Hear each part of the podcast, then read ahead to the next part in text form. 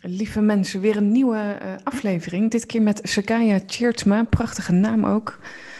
Uh, welkom in de Next Step podcast. Dankjewel, dankjewel. We hadden het uh, voor onze opname trouwens over de Coming Out Day. Dat was uh, een week geleden ongeveer, hè? of anderhalve week terug. 11 oktober. 11 oktober is afgelopen zondag. Ja. Ja.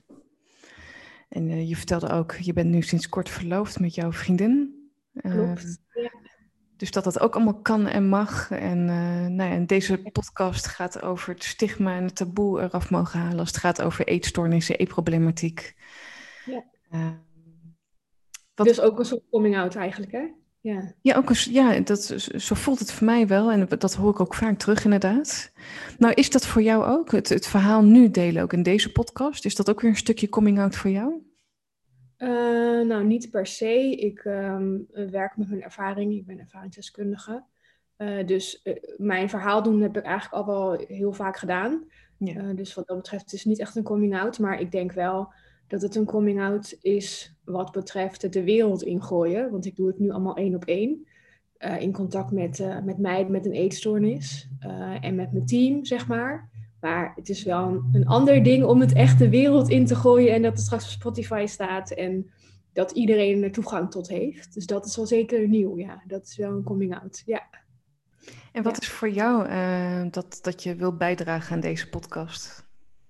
Um, nou ja, als ik kijk naar mezelf, ik heb uh, ruim tien jaar een eetstoornis gehad. Uh, en dat begon met anorexia en dat is later omgeslagen in bulimia. Um, die anorexia-periode, ja, dat, dat zagen mensen ook aan me. Dat was uh, best wel zichtbaar. Uh, dus daar ben ik nooit niet eerlijk over geweest. Uh, maar als het gaat om die bulimia-kant, heb ik dat heel lang geheim gehouden. Omdat ik me daar echt enorm voor schaamde. Um, die eetbuien, dat was echt verschrikkelijk. en ik, ja, als je het dan hebt over een coming out. Um, ik had gewild dat ik in mijn herstel ja, veel eerder uh, vooruit was gekomen. Dat het minder geheim hoefde, dat ik het niet zo stiekem hoefde te doen. En dat is eigenlijk met mijn verhaal wil ik heel graag andere mensen inspireren om inderdaad het niet meer zo stiekem te hoeven doen. Oh ja, prachtig. Ja. Dat je het niet meer zo stiekem hoeft te doen. Ja, dat, dat gun je iedereen, hè? Ja. En, en want, wat is jouw leeftijd, Sakaya? Ik ben nu 31. 31, ja. uh, lentes jong. Ja. En, en hoe, hoe lang is het voor jou geleden dat je tien jaar eh, met jouw eetproblematiek rondliep? Uh, ik denk dat het zo rond mijn twaalfde, dertiende begonnen is. En rond mijn 22e, 23e begon ik er wel echt van te herstellen. Nou, is er nooit, is er niet echt een leeftijd waarop ik kan zeggen, ja, toen was ik hersteld. Dat is best wel langzaam gegaan. Uh, maar daarom zeg ik altijd om nabij tien jaar. Als ik nu terugkijk, ik ben nu 31 zou ik ook niet zeggen dat ik al tien jaar nu van mijn eetstoornis hersteld ben. Omdat het wel met ups en downs gegaan is. En ik ergens ook wel inzie dat ik uh, nou ja, na die bulimia-periode ook wel weer de andere kant opgeschoten ben. Dus, um, maar, uh, oh. je wordt gebeld. Er is een beller. Shit, ja, dat was een beller. Was een beller. ik ga hem heel even uh, kijken hoe ik dit uit kan zetten. Um, hebben we nu de opname verpest? Nee, ik, ik vind het wel uh, leuk eigenlijk. Jij niet? Oké, okay, top. Lang leven coronatijd dit. Um, want ik zit achter mijn... Uh, hoe doe ik dit? Help. Ik moet hem eigenlijk eventjes... Dat je het scherm klein maakt van, uh, van deze opname en dat je dan die andere kan uitzetten. Ja. Um, Was dit voorheen ook iets waar je dan in de stress van kan schieten en, en nu minder? Of hoe, wat gaat nou, er... ik, ik raak best wel in de stress nu. Want ja, het is echt... Nee, zeker. Ik raak een beetje in de stress. Ik weet ook niet zo goed waar ik nu moet zoeken. Want ik zit achter mijn, uh, achter mijn uh, vriendin haar uh, laptop. Oh, en haar telefoon is aangesloten op deze laptop. Dus als haar telefoon gaat, dan krijgen wij een telefoontje binnen. En dat is heel vervelend. Um, ik hoop gewoon dat ze niet meer gebeld wordt eigenlijk. Ja, nou ja, daar gaan we voor. Ja, daar gaan we voor. En anders dan uh, is het uh, drie seconden even afleiding en dan gaan we gewoon weer verder. Precies. Ja. Uh, ik ben nu even... nou, het is ook het benoemen wat je nu net deed, hè? Van, nou, ik voel eigenlijk eerlijk gezegd nu stress en dat soort facetten. Is dat ook iets wat je meer hebt ontwikkeld na ook je eetstoornis hoofdstuk? Ja, zeker. Zeker weten. Ehm, ik denk dat dat ook wel is waar mijn eetstoornis heel erg voor stond. Mezelf zichtbaar maken, kwetsbaar mogen zijn. Uh, dat, dat mocht allemaal niet. Ik, ik wilde mezelf uh, graag onzichtbaar maken. Um, en uh, ik mocht er eigenlijk helemaal niet zijn. Mijn gevoelens mochten er niet zijn. en dat is eigenlijk wat ik na mijn eetstoornis, of eigenlijk tijdens het herstel van mijn eetstoornis, heel erg geleerd heb. Dat ik andere manieren kon in gaan zetten waarop ik mezelf zichtbaar kon maken. Waarop ik wel mocht aangeven, hé, hey, dit raakt me. Uh, ik, ik, ik mis iets, ik heb ergens een verlangen naar en dat wordt niet vervuld. Uh, ja, dus zeker. Dat is wel uh, daar een stukje openheid ook in weer. Ja, dat je er mag zijn, komt in me op. Ja. ja. ja. En zijn het dan ervaringen in het verleden dat, dat dit bij jou, bij jou is ontstaan qua gedachtegangen? Van, ja. ja dat het niet mag zijn. Ja, ja. ja en dat leidde voor jou tot, tot eetproblematiek, eetstoornis. Ja, ja klopt, klopt. En ik, ik, op dat moment, toen dat gebeurde, wist ik dat natuurlijk niet. Nee. Het ging, uh, dat is iets wat ik achteraf heel erg gezien heb. Um, ik heb best wel een, een lastige jeugd gehad. Uh, waarin de moeder niet, niet aanwezig was zoals je zou wensen dat ze aanwezig is. Uh, een vader die veel aan het werk is, opgegroeid in een samengesteld gezin. Um, uh, en ja, toch altijd het gevoel gehad dat ik mezelf kleiner moest maken. Dat ik er niet helemaal mocht zijn. Uh, een broertje die heel erg ziek is geweest en ook overleden is. Dus um, ja, ik heb mezelf heel erg op de achtergrond gezet om maar niet tot last te zijn. Uh, en mezelf echt letterlijk stilgemaakt. ik was een heel verlegen kind. Um, terwijl eigenlijk, als ik nu kijk naar, naar, naar kinderfoto's van mijn tweede levensjaar um, was ik super bubbly. En oh. was ik juist een heel vrolijk kind en trok ik gekke bekken op foto's. En ik zie gewoon heel erg, als ik dan foto's kijk van vroeger, dat het op mijn zesde, zevende gewoon heel erg veranderde. En dat was eigenlijk de periode dat mijn broertje ziek werd. En dat ik me dus toen heel erg klein ben gaan maken, zichtbaar, onzichtbaar ben gaan maken. En vanuit daar ook mijn eetstoornis eigenlijk op mijn twaalfde ontwikkeld heb. Want wat ik dan ook in jouw verhaal hoor, is dat je ook bent gaan onderzoeken van hoe is het nou ontstaan of zo, dat achterwaarts begrijpen. Ja, ja. Hoe heeft het voor jou bijgedragen om die puzzelstukjes toch meer te kunnen plaatsen? Um, ja, dat is voor mij echt, uh, uh, dat heeft me gebracht tot de kern. En tot, um, tot kunnen uitgroeien wie ik nu ben. Ik denk dat ik zonder, zonder daarachter te komen, uh, dat ik niet zo ver gekomen was. Want um, eet, een eetstoornis gaat niet over eten.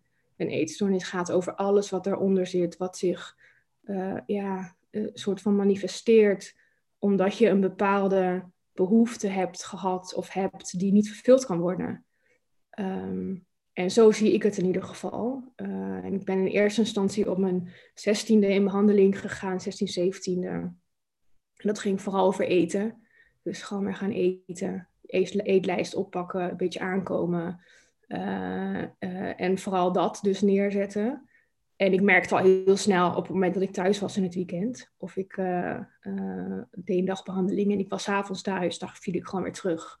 Omdat natuurlijk het onderliggende helemaal niet aangepakt werd. Nee. daar was eigenlijk nog niet zoveel aandacht voor.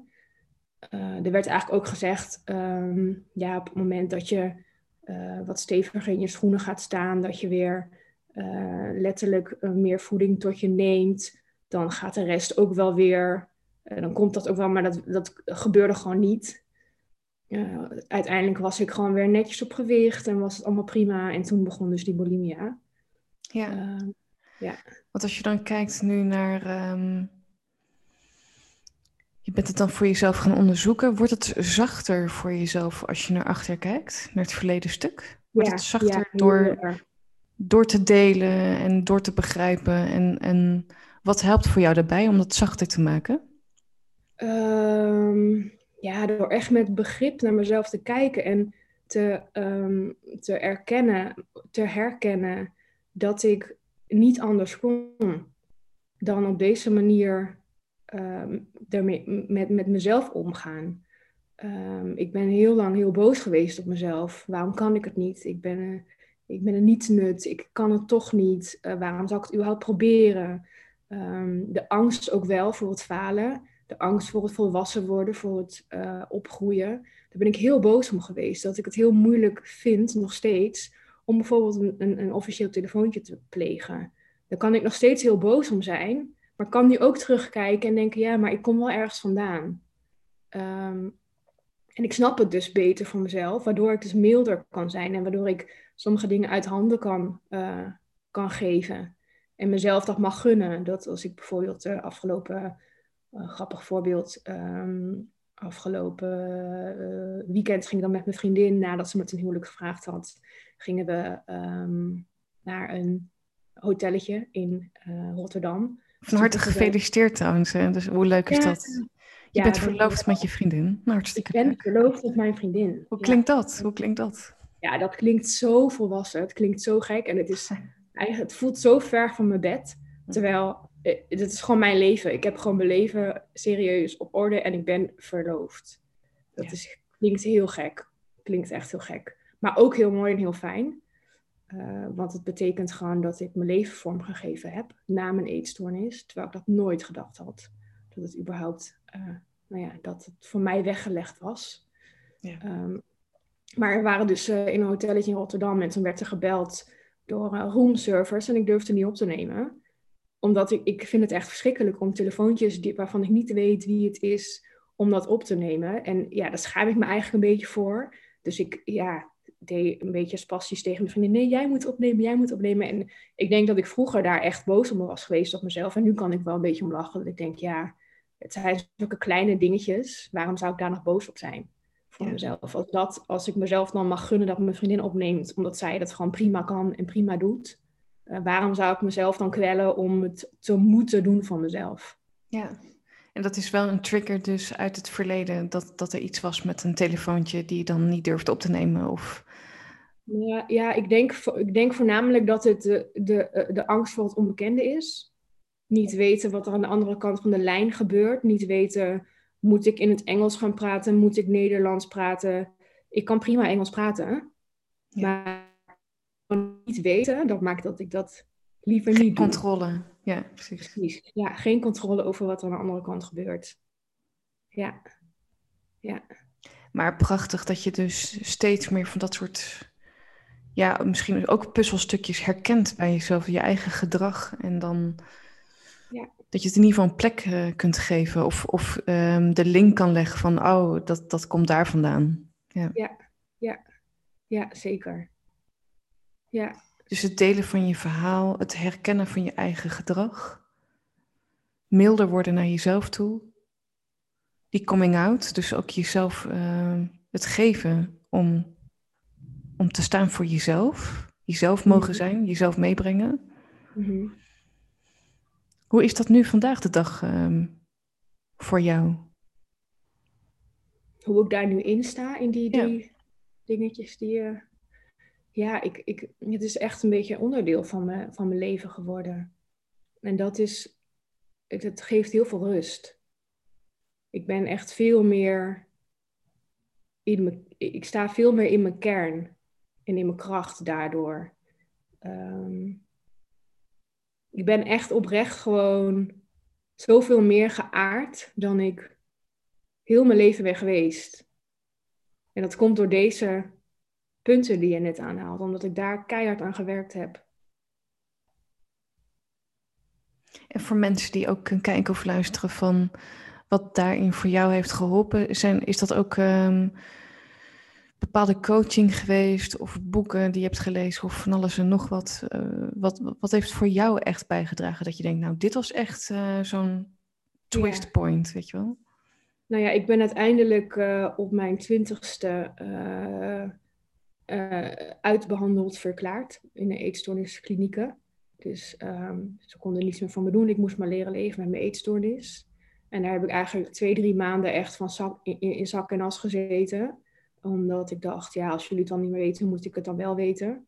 Maar daarna kwam er ook wel een soort vechtlust terug, omdat ik dacht, maar dit kan toch niet mijn leven zijn. Ik ben 20, 21. En ja, ik, ik wil toch niet de rest van mijn leven opgenomen zijn en in en uit en, en hiermee moeten leren leven. En toen ben ik op zoek gegaan naar een behandeling die eigenlijk veel meer ehm, eh, op het achterliggende gericht was. Ehm, in Apeldoorn, daar ben ik een jaar lang opgenomen geweest. En daar zat ik in een groep met ongeveer 30, 35 man. Uh, en het was eigenlijk een soort van kleine community uh, waar je alles samen deed. Waar je dan zelf therapieblokken had. In, in groepjes van tien mensen ongeveer. Dus waren drie à vier groepen. En daar heb ik zoveel geleerd. Ik was ook de enige in eerste instantie met een eetstoornis daar. En dat heeft me ook heel erg geholpen eigenlijk. Um, omdat ik in één keer weer een heel mooi voorbeeld om negen uur s'avonds riep er wel eens iemand: Wie heeft er zin in een tosti? En dan dacht ik: Oh mijn god, ja, je kan gewoon om negen uur s'avonds als je wil een tosti eten. Dat mag gewoon, dat mag je gewoon doen. Dat, dat, daar hoef je niet op afgestraft te worden. En dat heeft me zo geholpen. Want ik zat natuurlijk jarenlang in die eetstoorniskliniek. Um, en was omringd met mensen die, net als ik, niet meer wisten wat normaal was. En een eigen soort van nieuw normaal creëerden. Um, en nou ja, dan kwam ik daar en, en we moesten ook zelf voor het eten zorgen. Dus s'avonds werd gekookt door twee mensen voor een groep van 35 man. Ja, dat worden geen culinaire hoogstandjes. Want dat is gewoon uh, eenpansgerechten. Nou, dat vond ik verschrikkelijk. Maar ik heb daardoor dus een jaar lang dat moeten doen. Uh, dus dat heeft me qua eetzoon dus heel erg geholpen. Om daar zeg maar wat meer controle in los te mogen laten. En daarnaast, toen ik dus die controle los ging laten, kwam er zoveel omhoog. Van hé, hey, maar wat, waar komt het eigenlijk vandaan? Waarom wilde ik die controle zo graag vasthouden? Wat maakt dat ik mijn eetstoornis nodig heb gehad? Dan begint het ehm, eigenlijk pas uh, van, van Uh, de, het mogen aankijken van de oorzaken. Ja, ja, ja. En halverwege de behandeling is mijn moeder ziek geworden. Die hm. heeft um, uh, kanker gekregen en die is acht weken daarna, na de diagnose, overleden. Heftig. Ehm, ja, dat was echt heel heftig. En dat is echt als een ja, schok in mijn leven gekomen. Ehm, en uh, ergens eh, ben ik, ja, en het is heel stom om dat te zeggen, maar ben ik ook dankbaar dat het me gebeurd is. Want het heeft echt ook een stukje van mijn leven teruggegeven. Uh, het, had heel, had, had, had, het had echt de andere kant op kunnen gaan. Dus ik had totaal in die eetstoornis kunnen gaan zitten en mijn leven nog nuttelozer kunnen vinden. Maar ik heb toch op een of andere manier een weg omhoog weten te, nou ja, me eruit weten te vechten. Omdat ik ook dacht, ja, als ik uh, later op mijn sterfbed lig, dan wil ik niet kunnen zeggen waar ik allemaal opgenomen ben geweest. En wat ik allemaal in therapieland heb gedaan. Maar dan wil ik eigenlijk kunnen zeggen dat ik geleefd heb. Ja. En dat maakte, dat, dat was echt de laatste schop onder mijn kont om alles wat ik in die voorgaande jaren uh, geleerd had met betrekking tot eten, om dat te gaan toepassen. Ja, en te gaan leven. Ja, ja, ja. ja. En dat heb ik ook echt gedaan. Ik ben daarna naar Utrecht verhuisd. Uh, ik woonde in Almelo. Uh, ben naar Utrecht verhuisd. Uh, en ik heb geleefd alsof er geen morgen was. Ik ben alleen maar uit geweest. Ik heb echt de gay scene ontdekt. Um, also, ja, wat dat betreft ook totaal weer de andere kant op natuurlijk. Van heel bang zijn om, om te leven, om uit de band te springen, totaal de andere kant op. Heb ik ook weer van terug moeten komen. En ik denk dat ik nu echt uh, zeven, acht jaar later wel echt een balans heb gevonden tussen het uit de band springen af en toe, maar ook de rust kunnen opzoeken. Ja, het een beetje op, midden, eh, op het midden uitgekomen. Ja, ja, ja. Ja, en je gaat trouwen, dus ja. Dat... Ik ga trouwen, ja. ja. Heel volwassen is dat. Het is heel volwassen. Ja, ja, ja. Ik kan er niet meer onderuit. Ik ben 31 en ik ben volwassen. Ja. Mooi. Ja. Ja, en nu ben je dus ervaringsdeskundige. Hoe prachtig, want het komt toch ook vaak terug in de podcast dat uh, het ook wel life-changing voor mensen is geweest met een eetstoornis of eetprobleem. Juist een, door één gesprek met een ervaringsdeskundige, hoe dat heeft veranderd. Dus dat is zo prachtig als ik dat hoor. Ja, ja. Dus ja. een prachtig werk lijkt me ook wat je, wat je doet. Wat, wat, wat was het punt voor jou op een bepaald moment geweest dat je dit dus ook door wilde geven? Mm, Ehm, op mijn 18e, 19e ben ik zelf in aanraking gekomen met ervaringsdeskundigheid. Uh, misschien dat, dat jij of luisteraars het wel kennen, Stichting ZISO. Ja. Dat, dat was, uh, is, nu de, is nu Xanoa geworden, maar um, dat was destijds nog CISO. En uh, die hadden praktijkhuizen en daar ben ik toen naartoe gegaan. En daar heb ik een gesprek gehad met een super inspirerende vrouw dat ik echt dacht, in eerste instantie, hoe kan jij van je eetstoornis af zijn, want je bent nog hartstikke dun. Dus dat was ook weer een cognitie die niet klopte.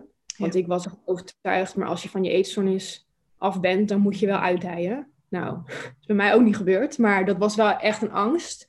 Uh, maar ik heb met haar echt zulke mooie gesprekken gehad. Het was zo'n bubbly persoon. Ik vond mezelf daar ook een beetje in terug. Dat ik dacht, oh ja, maar eigenlijk ben ik ook een beetje zoals jij. En ik ben nu heel stil en heel erg onzeker. En ik wil mezelf het liefst wegmaken.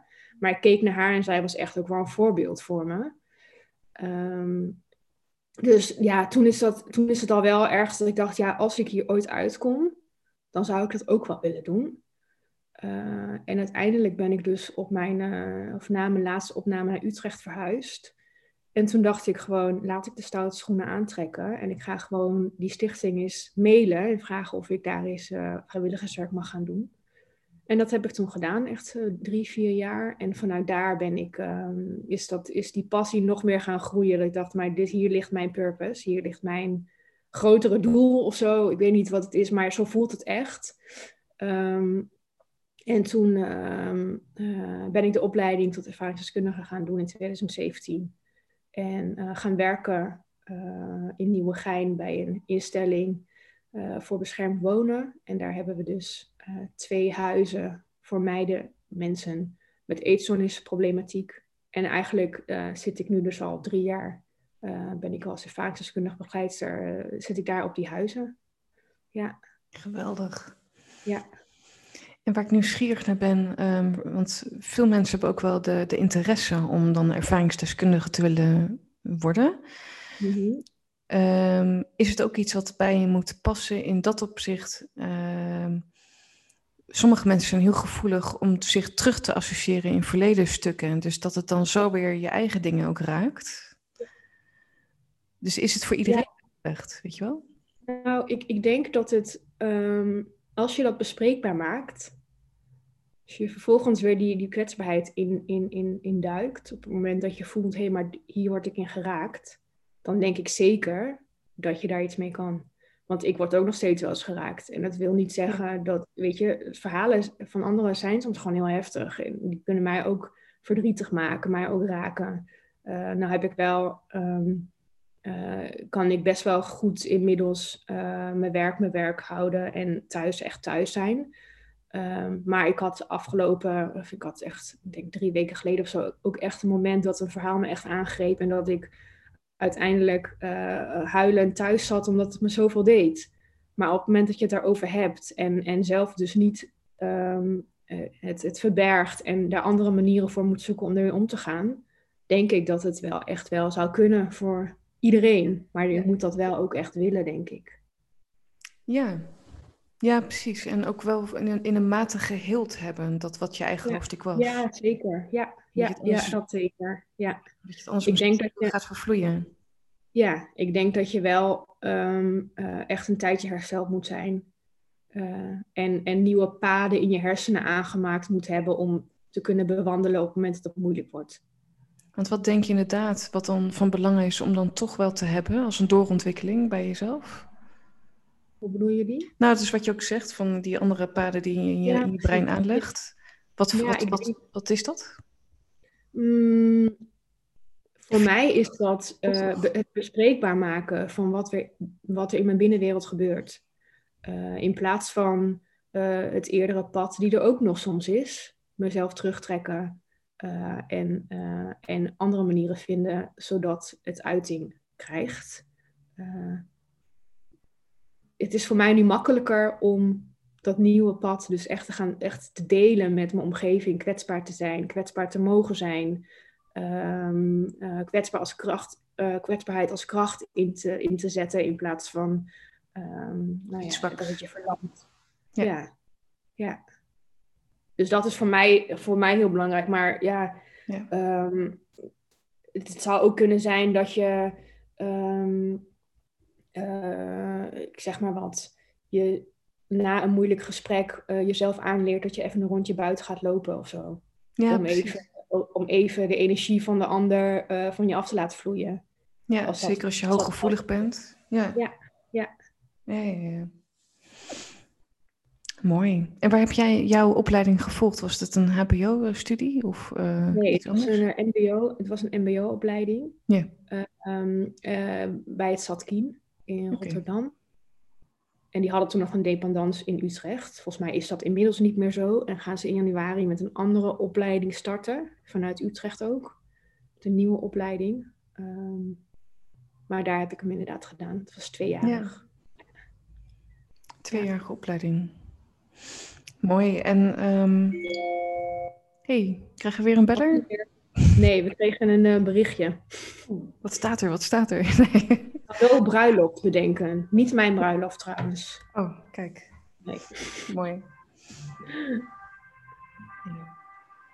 En als je dan nu zo je verhaal deelt, uh, Sekaya, uh,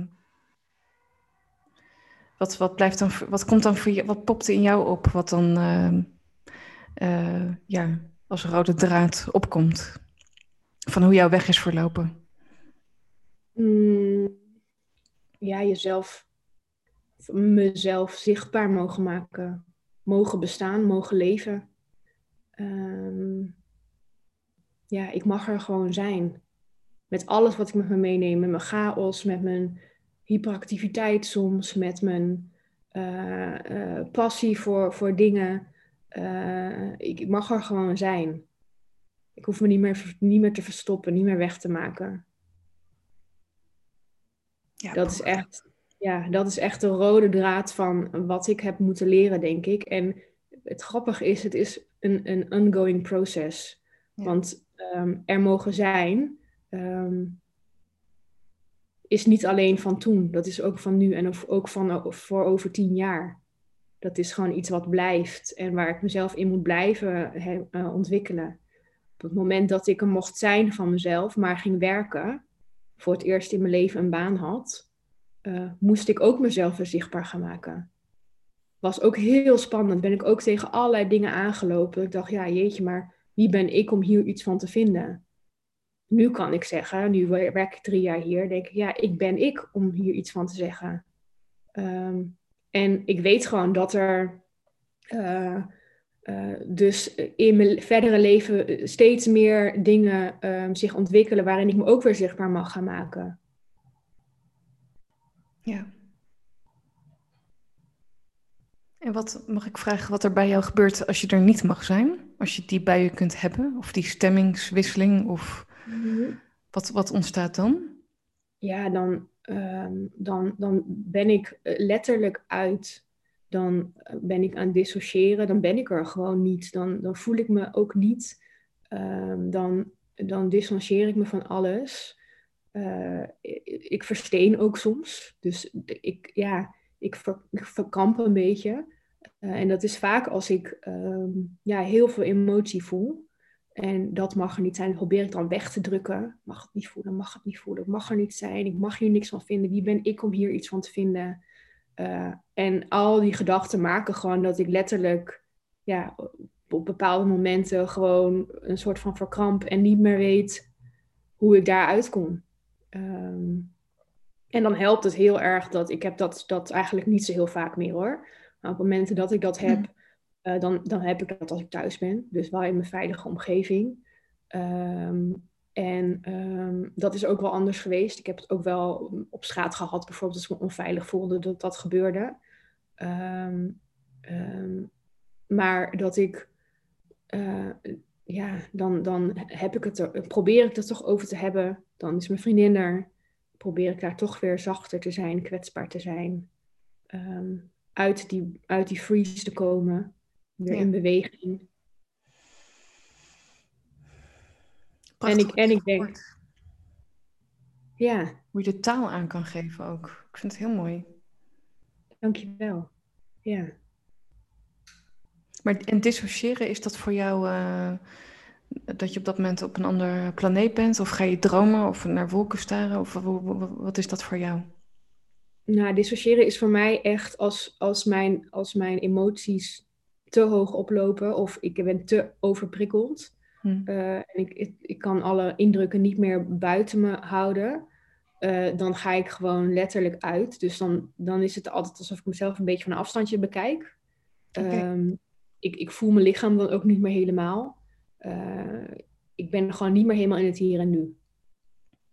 Maar dat is grappig, want aan de buitenkant zul je niks aan me zien. Want ik heb dan wel ergens um, maniertjes bedacht waarop ik zo normaal mogelijk overkom. Ja. Uh, want dat is ja, wat, hoe ik het altijd gedaan heb.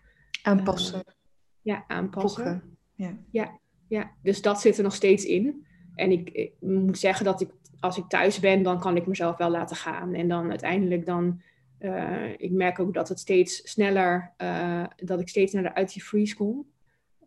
Dus dat mijn vriendin, nou ja, maar een paar vragen hoeft te stellen of ik kan me eindelijk weer ontspannen. Uh, wat. Want wat, wat, wat, wat is dan zo'n vraag wat je dan in de ontspanning kan uh, laten zakken? Um, nou ja, alleen al blijf je wel hier. Kijk, kijk me eens even aan. Ja. Dat ik gewoon weer eventjes, oh ja, ik ben gewoon, ik zit gewoon hier, ik ben gewoon veilig, er is niks aan de hand. Uh, ik mag er gewoon zijn. Ik hoef mezelf niet weg te maken. Ik mag gewoon mensen aankijken. Ja, dus door het bespreekbaar te maken en ook daarin van, eh, met elkaar leren ook. Dat, het is ook samenwerken daarin en van elkaar leren wat dan nodig is. Uh, om jou bewust te houden van, uh, ik ben hier. Ik, ik, zit, ja. ik, ik, hoef niet uit te zijn of me uit te voelen. Ja. Uh, het is veilig, inderdaad. Ja. ja. Maar prachtig dat je dat dan ook zo samen kunt doen, hè? Ja, ja, dat is heel bijzonder. Ik moet zeggen dat ik dat nog nooit bij iemand heb gekund. Dus ja, dat is wel echt uh, heel mooi. Het is ook grappig, want ik heb het eigenlijk voor het eerst hierover met jou nu. Dat dat zo nog soms kan. Maar ook dat ik daarin zo'n groei ook gelijk voel. Dat ik denk, ja jeetje, ik ben wel echt uh, van ver gekomen. En nu praat ik daar gewoon heel open over. Ja, prachtig. Ja dapper. Maar vaak als, als, want ik merk, als ik dan het woord dapper krijg van andere mensen, juist met, wat, met het werk wat ik doe, dan denk ik van ja, ja, ja, uh, het is een kwestie van doen, weet je wel. Dus dan ga ik meteen. Uh... Ja, kleiner maken. Ja, maar het vraagt natuurlijk wel ergens moed en, en van alles. Maar ja, als het gewoon bij je hoort dat wat je uit te dragen hebt, dat wat je ook wilt doorgeven aan anderen, dan, dan komt het gewoon eruit, omdat het ja. doorgeven of zo ook, hè? Ja. ja, dat is het ook dat is wel heel mooi dat je dat zegt. Want ik, ik, ik voel ook, ik, ik doe dit niet voor mezelf. Ik, ik zit hier niet om te verkondigen hoe goed ik het allemaal gedaan heb voor mezelf. Maar ik ben hier echt om een voorbeeld te, um, ja, te, kunnen, te kunnen geven aan, aan meiden, mensen, mannen, wie dan ook, die ook in zo'n situatie zitten, dat er echt een weg uit is. Nou, en dat het, ja, dat het, dat het zoeken is voor jezelf op welke manier die weg eruit gaat zien. Maar dat, ja, dat, dit was mijn weg. Maar ik hoop zo dat ik andere mensen kan inspireren om ook hun weg te vinden. Welke weg dat ook is. Ja, zeker. Ja. Ja. Ja, en alles mag er zijn inderdaad. Hoe je ook het donkere beschrijft. Ja. Ja, dat kan soms ook nog een deeltje zijn. Zeker, ja.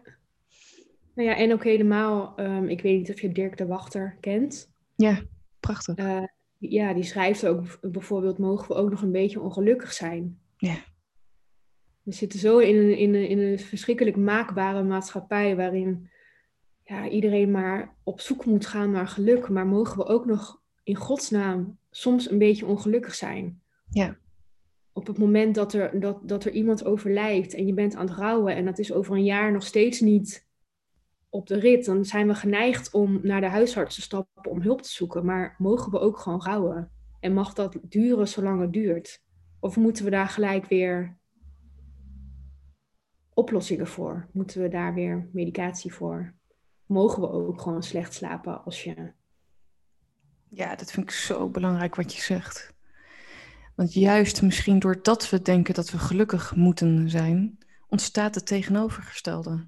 Ja. Dus als je ook nu kijkt naar het aantal, het percentage van burn-outs en dergelijke, dat is, uh, hartstikke, dat is hartstikke hoog. Ja. Uh, de eetstoorniscijfers, weet jij dat uh, toevallig trouwens? Hoe dat... Nee, ik weet het eigenlijk niet. Nee, nee ik, ik, nee. Nee. Volgens mij heb ik wel eens gelezen dat dat ergens een soort van stabiel blijft in het aantal, ondanks. Uh, ja, dus dat dat niet is gewijzigd door bijvoorbeeld uh, social media, weet je wel? Nee, precies. Nee, volgens mij, nee, volgens mij ook niet. Ik moet zeggen, ik heb wel ook nog een artikel gelezen dat nu in de coronaperiode er wel meer meldingen gedaan worden. Uh, van, van intakes voor ja. een eetstoornis.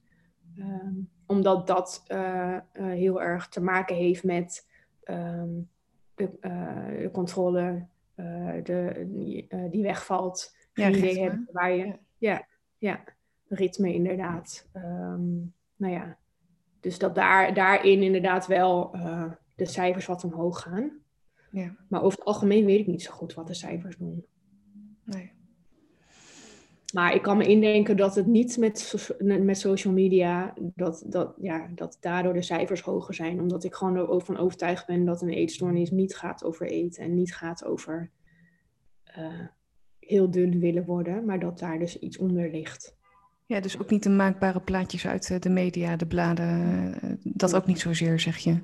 Nee, dat denk ik niet. En misschien dat het wel um, een extra setje kan zijn hoor, voor iemand ja. die al onzeker is, die uh, op zoek is naar iets, uh, naar een bepaalde behoefte die niet gevuld kan worden, dat dat een, een laatste zetje is om te. Ja, ja een houvast. Ja. Maar ik geloof dat, dat als social media er niet was geweest, had die persoon net zo goed een eetstoornis kunnen ontwikkelen. Ja. Ja. Mooi. Nou ja, goed. Of mooi, maar ik vind het een prachtige. Um aflevering ook zo met jou. Uh, mooi om je te ontmoeten, om kennis te maken. Om, ja. ja. weet je, alsof je elkaar al tien jaar kent. Zo, zo gaat het gesprek dan, hè, tussen ja. twee mensen. Ja, ja. dat is ook bijzonder. Ja, en, De, en de taal die je van elkaar begrijpt, zonder dat je elkaar ooit hebt gezien. Ik bedoel, dat blijft me fascineren. Ja, heel mooi. Echt heel mooi. En um, wat zou je nog de mensen mee willen geven als laatste woorden, dit alles uh, gezegd hebbende? Wat, wat zou je nog willen zeggen? Hmm, wat zal ik nog willen zeggen? Hou vol. Weet dat je er mag zijn. Hou vol. Je kan dit. Uh, ja, ik, ik heb het ook gekund en ik heb, het, ik heb nooit gedacht dat ik, het, dat ik hier vanaf zou komen. Dat ik een leven op zou bouwen. Dat ik op mezelf zou wonen. Altijd gedacht dat ik de rest van mijn leven beschermd zou wonen. Maar inmiddels woon ik met mijn verloofde en een kat in Amsterdam. En ik, ja, ik, ik geloof gewoon echt in de kracht van, van de mens. Dus ik geloof ook heel erg in de kracht van degene die dit luisteren en die laatste duw nodig hebben. Ja. Ja. Nou, dankjewel um, voor je openheid. En um, heel erg bedankt. En um, voor jij die kijkt of luistert. Er komen nog meer afleveringen aan. Er zijn veel aanmeldingen ook gekomen naar aanleiding van de oproep uh, die ik heb geplaatst. Ontzettend bedankt daarvoor ook. Het is prachtig dat ook steeds meer mensen, lijkt het, nu hun verhaal willen delen, ook door de vorige afleveringen. Um, blijf vooral kijken, luisteren. Laat weten wat je ook van deze aflevering hebt uh, gevonden. En graag tot de volgende aflevering.